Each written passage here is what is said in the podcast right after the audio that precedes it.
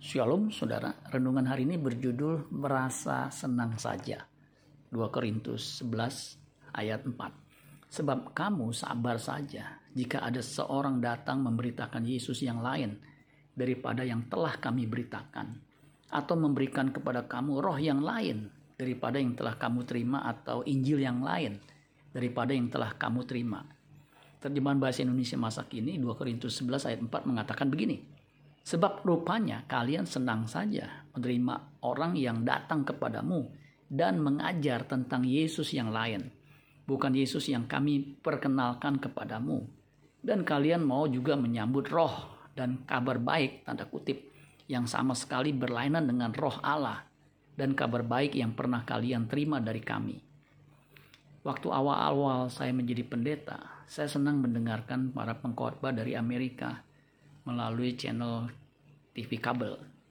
Saya menikmati pemberitaan firman yang mereka sampaikan. Sampai satu titik, saya merasa kurang nyaman lagi mendengar pengajaran beberapa dari antara mereka karena mengajarkan Yesus yang lain.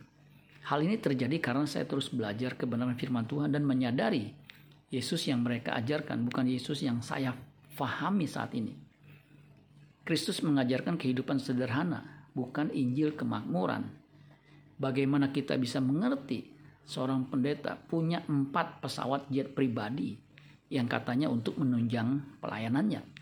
Apakah memang perlu sampai memiliki banyak alat transportasi yang sangat mahal seperti itu? Seandainya Kristus hidup zaman now, apakah ia akan beli private jet untuk menunjang pelayanannya? Menurut saya tidak demikian. Ketika ia dicobai, iblis menawarkan keindahan dan kemegahan dunia, tetapi ditolak. Lukas 4 ayat 5 sampai 8. Kemudian ia membawa Yesus ke suatu tempat yang tinggi dan dalam sekejap mata ia memperlihatkan kepadanya semua kerajaan dunia. Kata iblis kepadanya, segala kuasa itu telah serta kemuliaannya akan kuberikan kepadamu. Sebab semuanya itu telah diserahkan kepadaku dan aku memberikannya kepada siapa saja yang ku kehendaki. Jadi jikalau engkau menyembah aku, seluruhnya itu akan menjadi milikmu. Tetapi Yesus berkata kepadanya, ada tertulis engkau harus menyembah Tuhan Allahmu dan hanya kepada dia sajalah engkau berbakti. Amin buat firman Tuhan. Tuhan Yesus memberkati. Sola Gracia.